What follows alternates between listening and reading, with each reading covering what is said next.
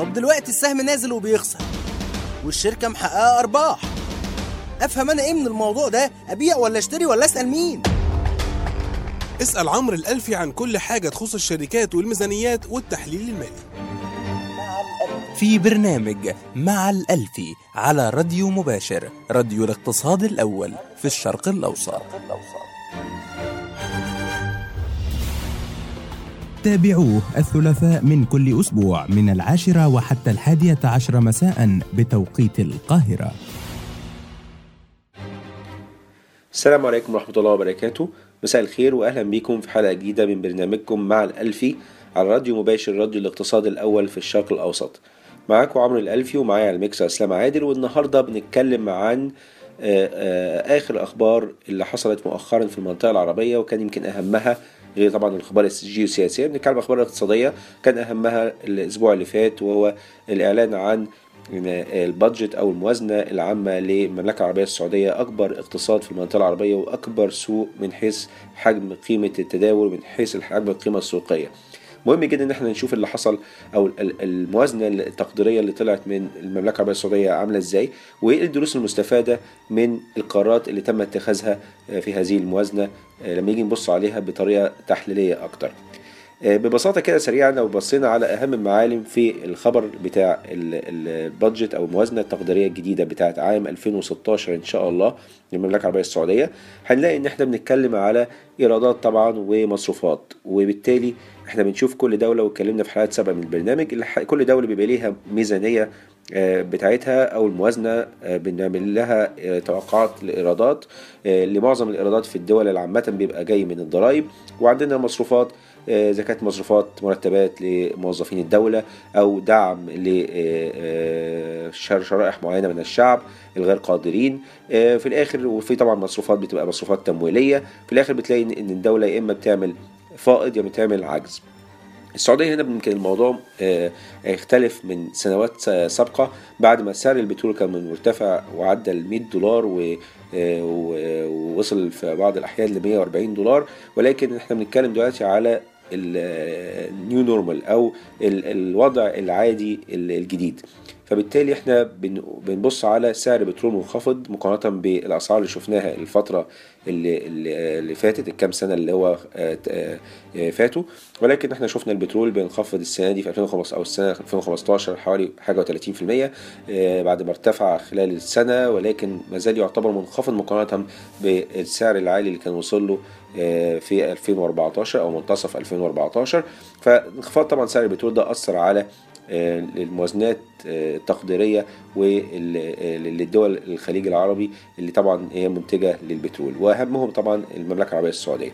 فلو بصينا على 2015 كانت آه، طبعا الأسعار البترول ابتدت تنخفض في آخر 2014 ومن سنة فاتوا إن الدولة كانت أصدرت الموازنة التقديرية بتاعتها لعام 2015 وطبعا جزء كبير بالرغم إن إحنا معظم الدول عامه يعني في كقانون أو مش قانون نقول مثلا كوضع أو أغلب الدول بتبقى ال- الموازنة بتاعتها معظم الإيرادات جاية من إيرادات الضرائب. ولكن في ال- ال- دول الخليج ال- الوضع مختلف لأن مفيش آه، معظم الدول ما بتعملش آه، بتفرضش ضرائب. ولكن الإيراد بيبقى يجي أكتر من آه، طريق عن طريق بيع النفط. فلو بصينا على الموازنه التقديريه بالنسبة للمملكة العربية السعودية في 2015 هنلاقي إن كان التقديري بتاعها إن الإيرادات توصل 715 مليار ريال سعودي. وحوالي فوق يعني تقريبا 81% من الإيرادات ديت كان هيجي من البترول.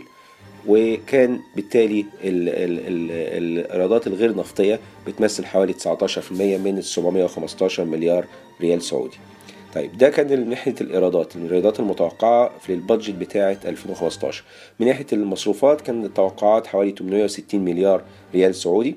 ده معناه إن أنا بحث كنت في توقعات إن هيصرفوا أكتر من الإيرادات اللي جاية للدوله اللي هي زي ما قلنا 81% منها جاي من البترول وبالتالي كانت في توقعات إن هيبقى في عجز العجز ده كان حوالي 145 مليار ريال سعودي وهو يمثل 6% من ال- الإجمالي الناتج المحلي بتاع المملكة العربية السعودية.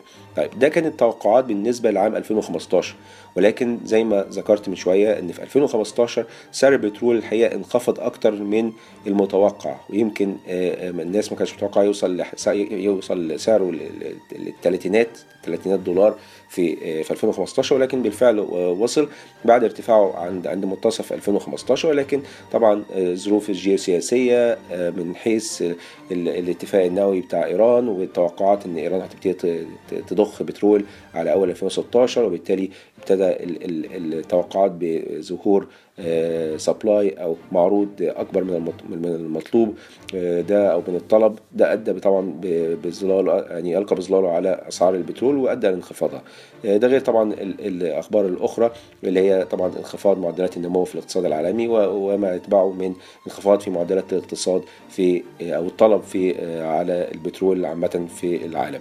طبعا كل الكلام دوت ساعد إن الأسعار البترول تنخفض أكتر وبالتالي لو بصينا على الموازنة بقى ال- اللي هي متوقعة بالنسبة ل 2015 بعد ما شفنا أسعار البترول بتنخفض.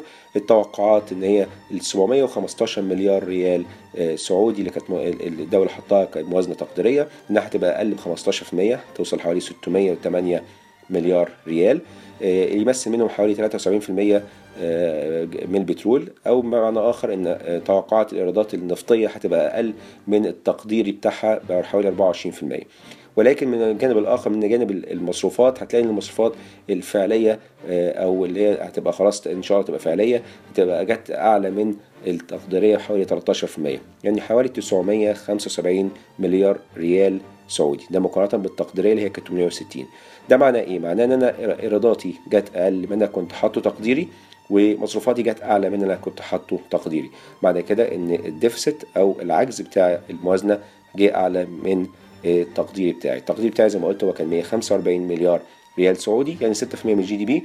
الرقم دوت آه، أكتر يعني more than double يعني زاد بحوالي 153% بنتكلم على آه، آه، عجز حوالي 367 مليار ريال سعودي. ده معناه حوالي 15% من اجمالي الناتج المحلي بتاع السعودية. طبعا توقعات صندوق النقد الدولي في ال- ال- 2016 و- ومعظم الاقتصاديين عام 2016 إن العجز ممكن يوصل آه، في 2016 لحوالي 20% آه، من الجي دي بي بتاع السعودية. ولكن إحنا عندنا في ديسمبر آه، كالعادة في, آخر السنة ال- الدولة السعودية طلعت أو أصدرت الموازنة التقديرية للعام الجديد اللي هو عام 2016 عام 2016 ميلادي. والتوقعات أو الموازنة التقديرية بتقول إن الإيرادات اللي هي كانت 715 في الموازنة التقديرية السنة اللي فاتت دلوقتي إحنا بنتكلم على 514 مليار ريال وده يعتبر انخفاض بحوالي آه، 28% عن الموازنة التقديرية السابقة و15% عن الم- ال- ال- ال- الموازنة اللي إحنا شايفينها آه، المتوقعة إن شاء الله في 2015 فمعنى كده إن الإيرادات متوقع إن هي هتستمر آه، في الانخفاض. طبعا ده جراء انخفاض أسعار البترول وحوالي ال 514 مليار ريال آه، اللي هو الإيرادات بتاعت 2016 دي حوالي 70% منها فقط بيمثل البترول. طبعا هو في نظرة إيجابية ونظرة سلبية لانخفاض آه، آه، حجم أو انخفاض الإيرادات النفطية مقارنة بإجمالي الإيرادات. الحاجة الإيجابية إن هو إن معنى كده إن الدولة السعودية ابتدت تركز أكتر أو باعتمادها آه، بي- بي- بيقل على آه، البترول. ولكن الناحية السلبية إن ما زال البترول بيمثل نسبة كبيرة من الإيرادات فانخفاض نسبته بصورة كبيرة ده معناه انخفاض للإيرادات بصفة عامة. ف ولكن الانخفاض دوت زي ما قلت هو نتيجة انخفاض اسعار البترول ويمكن انخفاض آه، أكتر من المتوقع. طيب من ناحية ال- المصروفات آه، ش- في 2016 الدولة رصده حوالي 840 مليار ريال سعودي علشان آه، يتم صرفهم في 2016 آه، ده لو قارناه بالموازنة التقديرية بتاعت 2015 ده 2% أقل. إحنا كنا المصروفات التقديرية في 2015 كانت خم- 860 بنتكلم على 840 دلوقتي يعني 2% أقل. طب لو اتكلمنا على الموازنة اللي هي ال- ال- المتوقعة إن شاء الله في 2015 اللي هي خلاص المفروض تكون بتتقفل هي ال- المصروفات كانت 975 إحنا بنتكلم دلوقتي على موازنة تقديرية خم- 840 ف 14% أقل. ده معناه إن الدولة السعودية آه، بتحاول على قد ما تقدر ما تنزلش المصروفات بتاعتها. هي بنتكلم موز- موازنه تقديريه بتقل ب 2% فقط مقارنة إن الإيرادات بتقل ب 28% آه، ب- لما نيجي نبص على الإيرادات إحنا قلنا 70% من الإيرادات المتوقعة في 2000 أو التقديرية الموازنة التقديرية في 2016 70% منها جاي من البترول. إيه لو حس- بحسبة بسيطة كده وحاولنا آه، اخذنا في اعتبار إنتاج السعودية ال- اليومي من من البترول وقد إيه منه بيتم تصديره. هتقدر تحسب بطريقة باكورد أو طريقة خلفية إن أنت تقدر تشوف سعر البترول اللي بيتم حسابه في آه، هذا آه، هذه الموازنة. آه، إحنا حسبناها تقريبا ولقينا هو حوالي 36 36 أو 37 دولار للبرميل. يعني تقريبا نفس حدود الأسعار اللي إحنا بنتكلم عليها في الوضع الحالي. فده معناه إيه؟ ده معناه إن ال- ال- الإيرادات بتاعه البترول متوقع إنها تنزل برضو بحوالي 38% سنة على سنة و19% مقارنة بالموازنة اللي هي المتوقعة في 2015 آه، بنتكلم على عجز برضو آه، متوقع إن هو آه، يكون أزيد من الموازنة التقديرية. إحنا قلنا الموازنة التقديرية في 2015 كانت 145 مليار. دلوقتي إحنا بنتكلم على 2016 الموازنة التقديرية 326 مليار دولار. ده 125% إن- آه، زيادة. ولكن هي تعتبر انخفاض مقارنة بالموازنة ال- اللي هي المتوقعة في 2015 اللي هي من آه تقريبا ممكن نسميها بقى الفعلية شبه فعلية اللي هي كانت 367 مليار آه، عجز.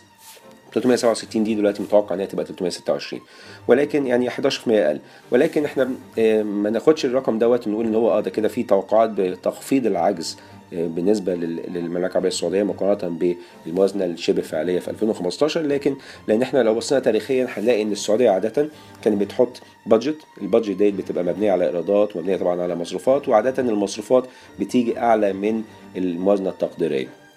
فمعنى كده إن إحنا لو شفنا إن الموازنة التقديرية دلوقتي أقل من الموازنة الشبه فعلية في 2015 ده مش معناه إن هو فعلا ده اللي هيتم صرفه لكن جرت العادة انه بيتم صرف أكتر من المبلغ دوت بصورة كبيرة.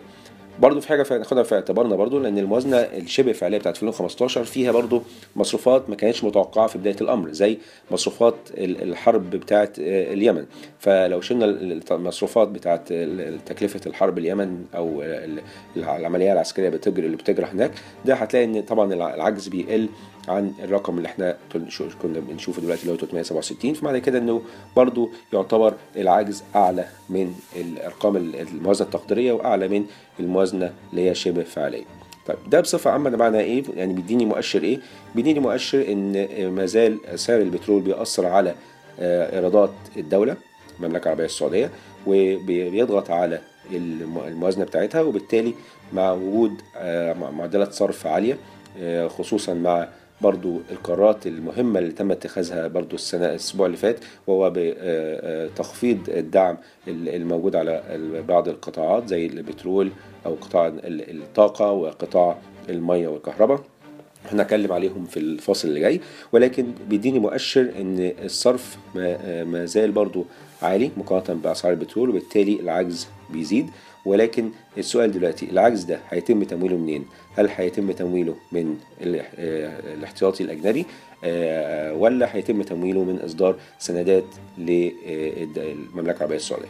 نطلع فاصل بسيط ونرجع نتكلم على مصادر تمويل هذا العجز وما يعنيه هذا العجز بعد آه، آه، رفع أسعار أو تخفيض بقى آه، الدعم للمملكة العربية السعودية في سابقة آه، يعني الاولى من نوعها في آخر السنوات السابقة.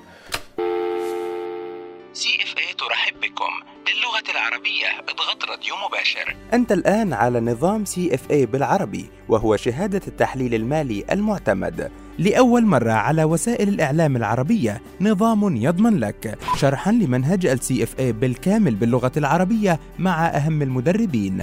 توفير في المال والجهد والوقت.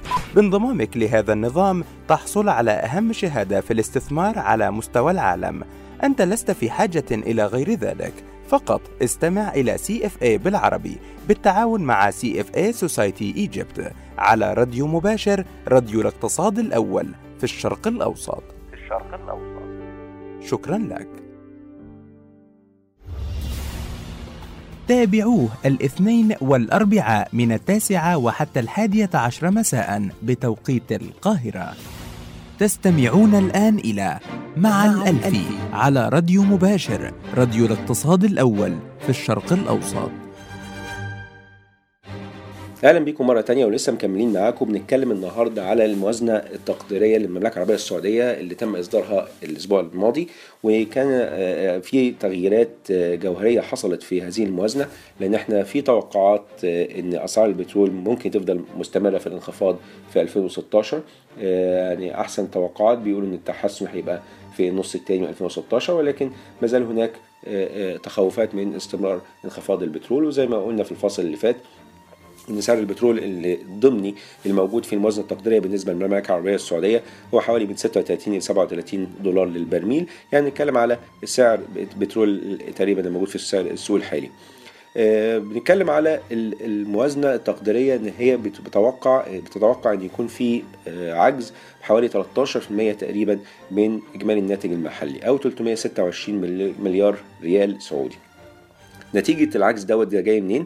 جاي من قلنا من انخفاض أسعار اسعار البترول وبالتالي انخفاض أسعار إيرادات البترول بحوالي 38% مقارنة بالموازنة التقديرية 2015 وانخفاض بالتالي انخفاض الإيرادات الكاملة الع- العامة للدولة بحوالي 28% آه، مقارنة بالموازنة التقديرية 2015 ولكن من ناحية ال expenditures أو المصروفات في انخفاض نسبي وهو 2 أو انخفاض في- طفي- طفيف اللي هو 2% وصل ل 340 مليار ريال سعودي ولكن الانخفاض دوت زي ما قلت مش مش بالضرورة هيكون في انخفاض لأن إحنا عادة بنشوف إن ال- ال- الدولة السعودية بتصرف أكتر من الموازنة التقديرية. ولكن السؤال هنا ال- الصرف الزيادة دوت والعجز اللي إحنا شايفينه دلوقتي بيزيد دلوقتي مع مع يعتبر تاني سنة على التوالي بيبقى فيه عجز في الموازنة بتاعة المملكة العربية السعودية. هيتم تمويله منين هذا العجز؟ زي ما اتكلمنا في حلقات سابقة من هذا البرنامج قلنا إن تمويل هذا العجز بيتم عن آه، كذا طريقة. يعني ممكن يتم عن طريق إن أنا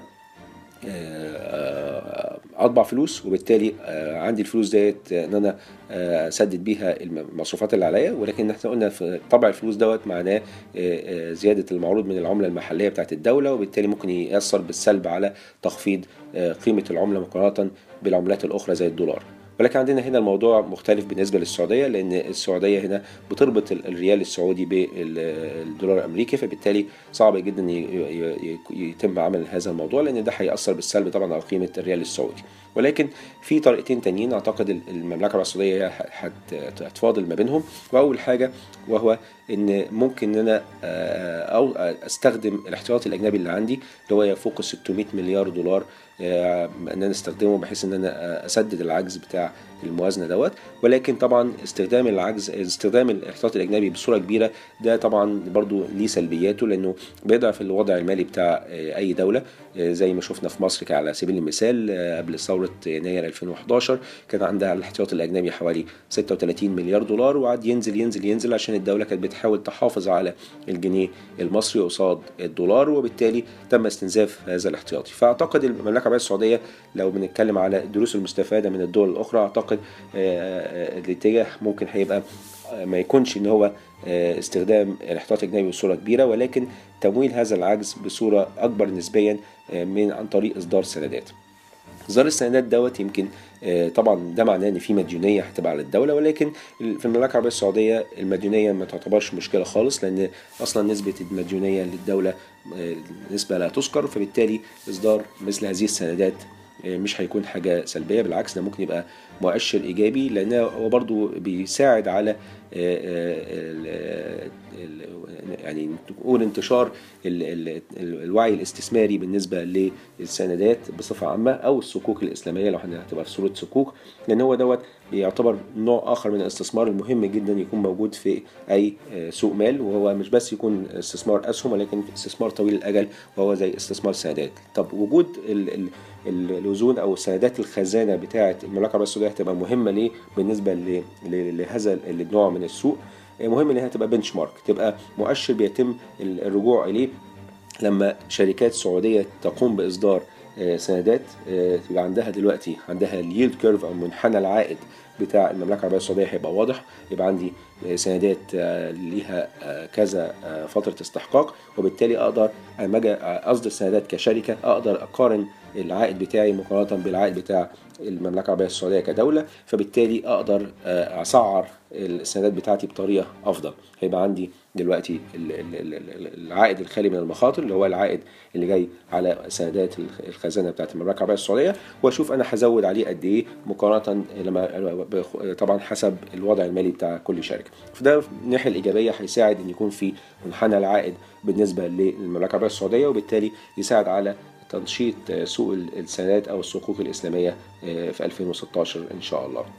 فده أعتقد ده هيبقى فيه يعني اتجاه لتمويل هذا أو جزء من العجز المالي بتاع الموازنة عن طريق إصدار هذه السندات طبعا العجز طبعا دوت ناتج بالرغم إن في الأرقام دي داخل فيها ولو إن التفصيلية ما كانتش لم يتم الإعلان عنها ولكن العجز دوت كان مبني على برضو تخفيض للدعم اللي تم اللي عادة السعودية كانت بتوصله ل الشعب السعودي بصفة عامة عن طريق تخفيض أسعار أو يكون في أسعار متدنية بالنسبة للبترول أو البنزين على عند تمويل السيارات أو عن طريق إن تخفيض برضو تكلفة الكهرباء والمية ولكن في 2000 الموازنة التقديرية 2016 وده اللي لما طلعت طلعت الموازنة كان معها برضو التغييرات مهمة جدا تغييرات جوهرية لم تشهدها السعودية من من زمن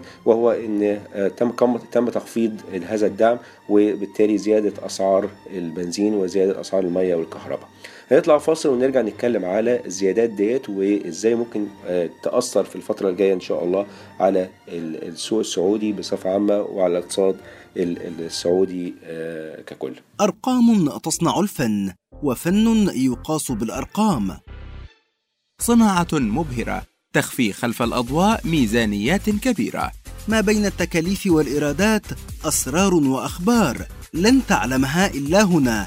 في بورصة الفن مع محمد إسماعيل على راديو مباشر راديو الاقتصاد الأول في الشرق الأوسط. في الشرق الأوسط. تابعوه الخميس من كل أسبوع من الحادية عشر مساء وحتى الثانية عشر بتوقيت القاهرة.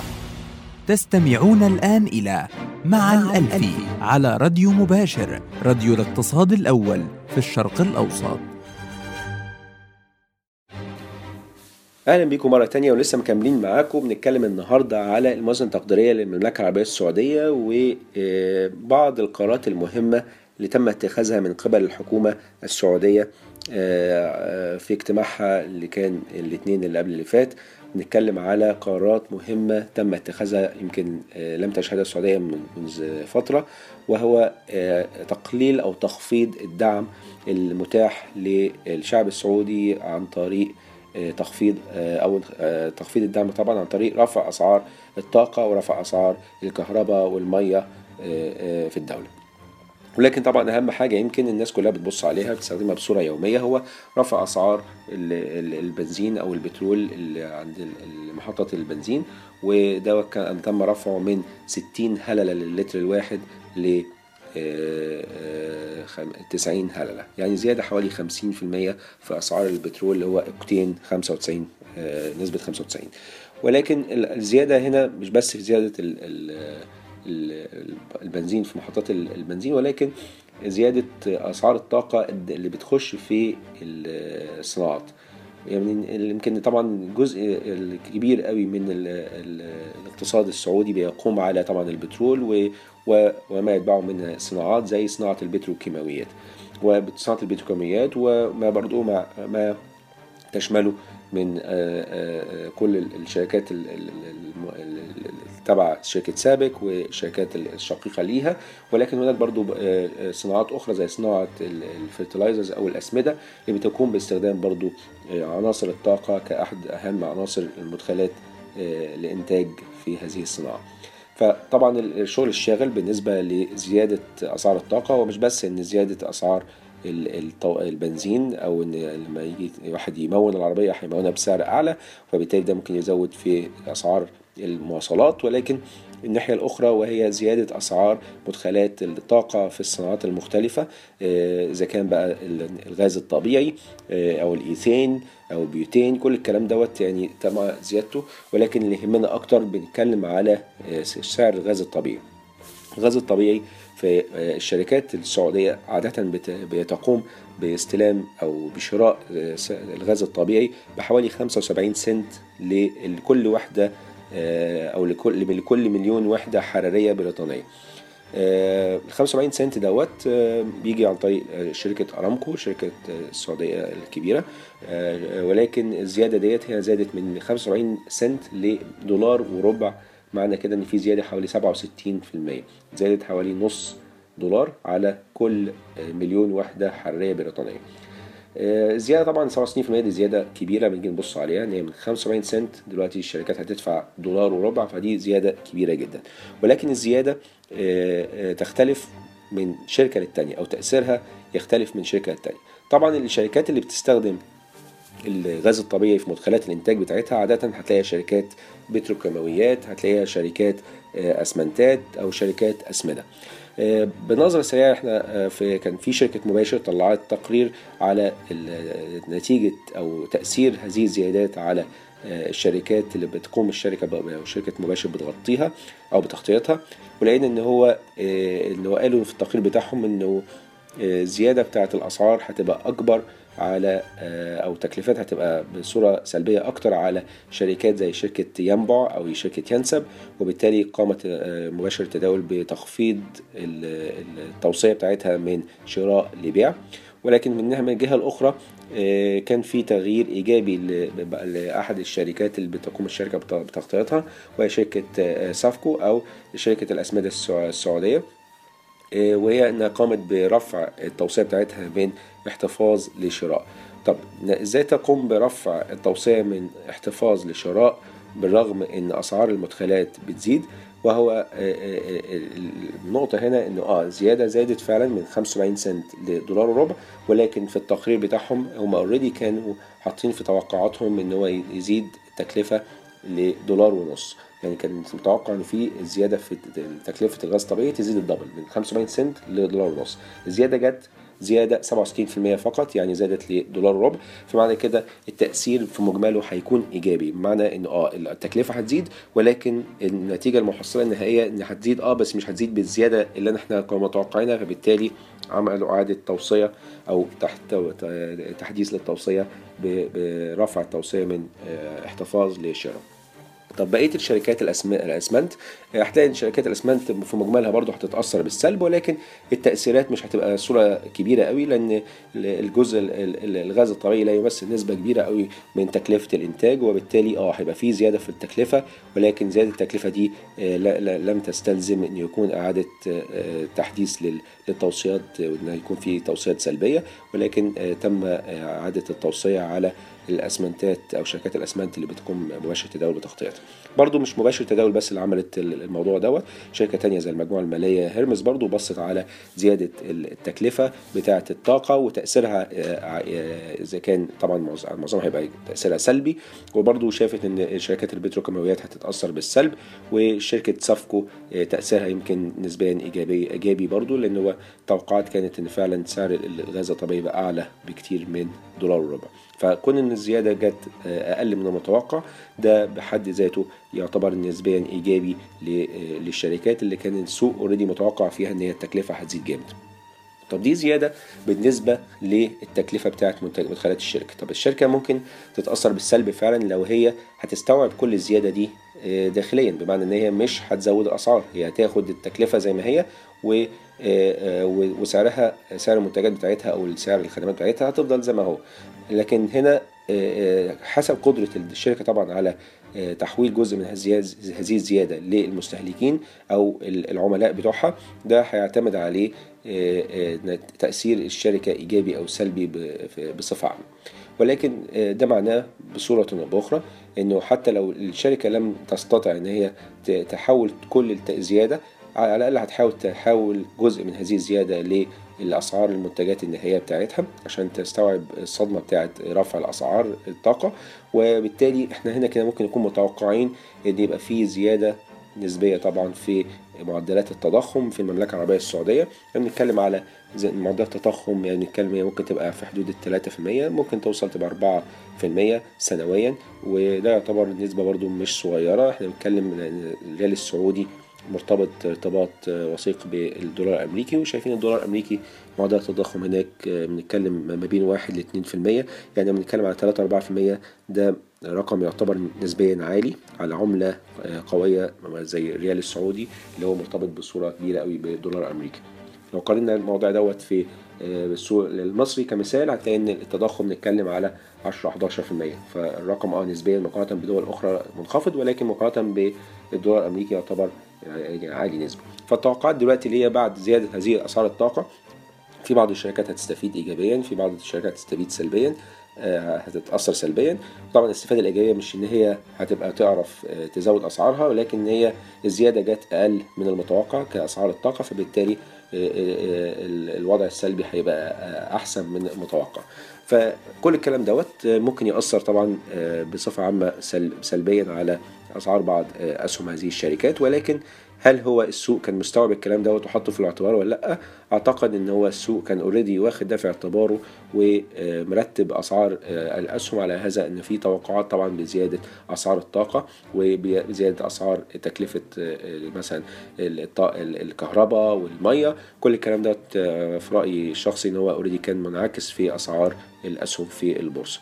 طيب الكلام ده كله قرار كان قرارات كانت مهمة جدا إن هي الدولة السعودية تاخد قرار جريء إن هي ترفع الدعم نسبيا وإن هي تزود أسعار الطاقة لأن زيادة هذه الأسعار ممكن يكون ليه مردود سلبي في الشارع ولكن خدت القرار الجريء اللي هو مهم جدا علشان الوضع لأن يعني مش هينفع يستمر الوضع كما هو عليه. آه زمان كان في عندنا بترو دولارز عندنا دولارات جاية من البترول للايرادات البترولية. عندنا احتياطي أجنبي كبير فوق ال 700 مليار دولار. دلوقتي احتياطي ابتدى ينزل ولكن الوضع ده مش هينفع يستمر بصورة كبيرة خصوصا مع انخفاض واستمرار انخفاض أسعار البترول.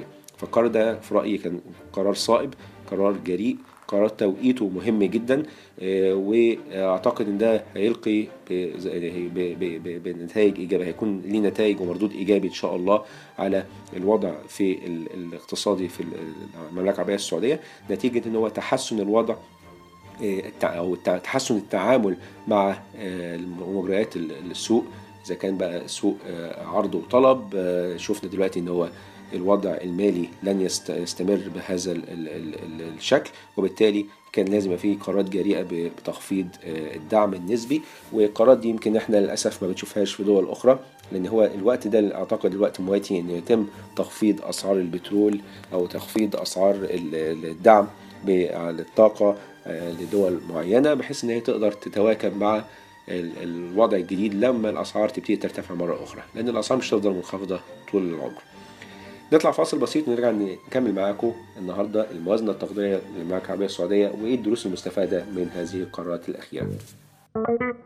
أنا ليه أسمع راديو اقتصادي؟ أنا لا مشترك في البورصة ولا بتاجر في الفوركس، يبقى ليه أسمع؟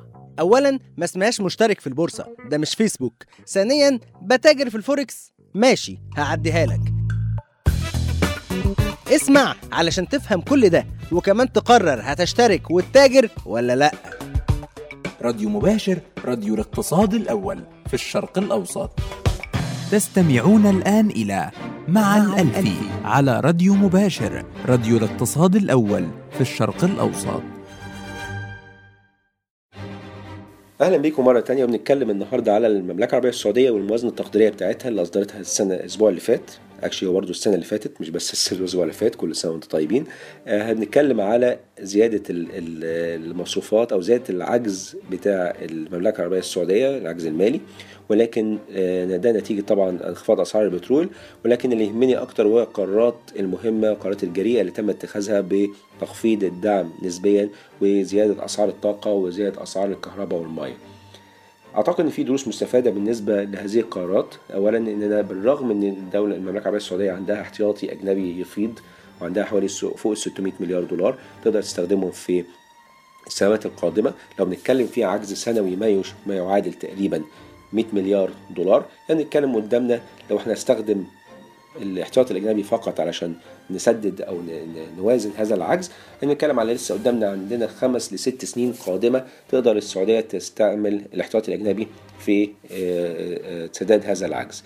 ولكن القرار جه يعتبر خمس أو ست سنين بدري لأن مش لازم أستنى للآخر خالص وإن يكون الاحتياط الإجنبي ابتدى ينخفض بصورة كبيرة جدا عشان أبتدي أخد قرارات مهمة. لا القرارات المهمة تم اتخاذها في بدري وبالتالي ده بيدي نقول مرونة مالية بالنسبة للدولة السعودية.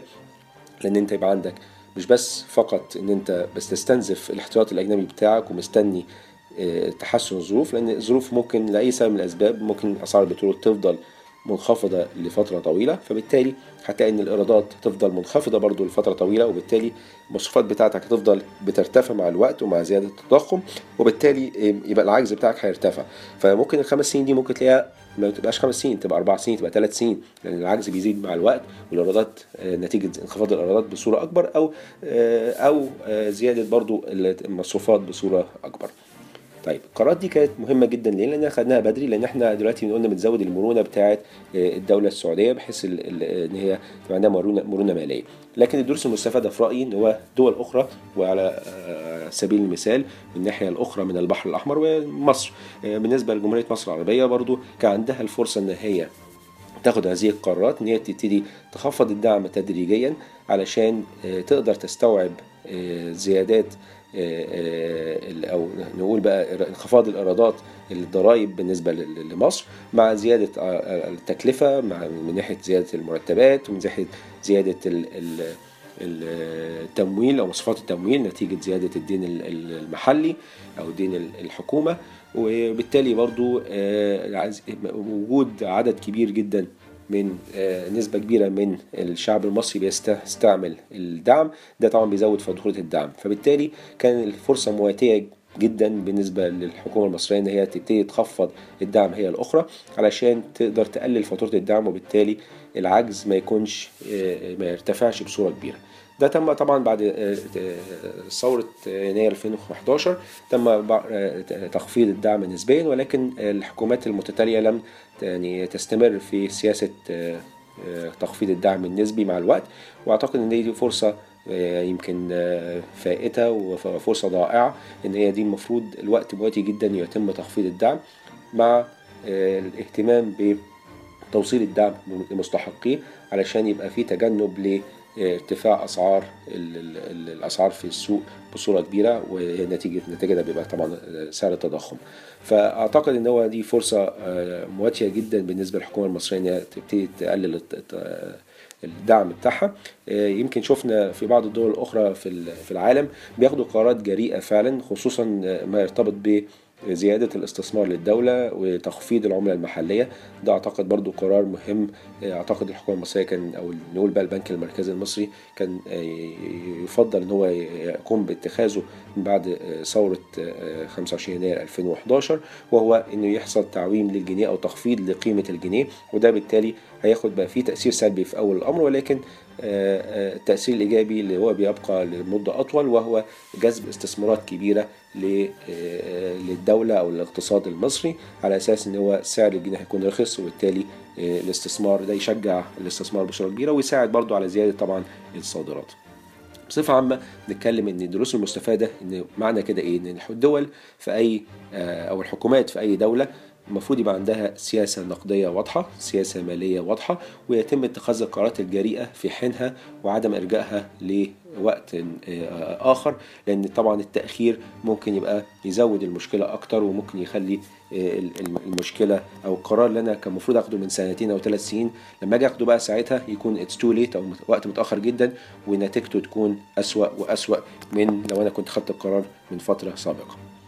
أتمنى نكون إحنا بصينا النهارده في الحلقة بتاعتنا على تأثير زيادة العجز في الموازنة التقديرية بالنسبة للمملكة العربية السعودية وما يعنيه هذا بالنسبة للاقتصاد السعودي والدروس المستفادة اللي إحنا ممكن نطلع بيها من آه، هذه ال- ال- ال- الموازنة والقرارات ال- ال- المهمة الجريئة اللي تم اتخاذها من قبل الحكومة السعودية و- وازاي ممكن الحكومة المصرية برضو تحذو في حذو آه، هذا آه، آه، هذا الموضوع وإن هي تبتدي برضو تفكر في إعادة النظر في فاتورة الدعم علشان تحاول تقلل العجز بتاع الموازنة على قد ما تقدر.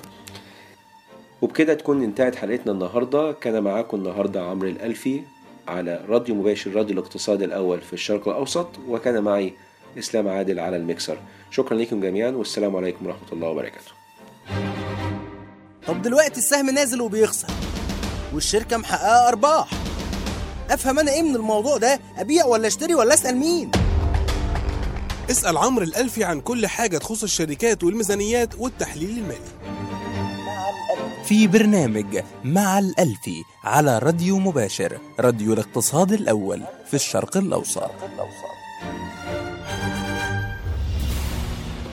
تابعوه الثلاثاء من كل أسبوع من العاشرة وحتى الحادية عشر مساء بتوقيت القاهرة.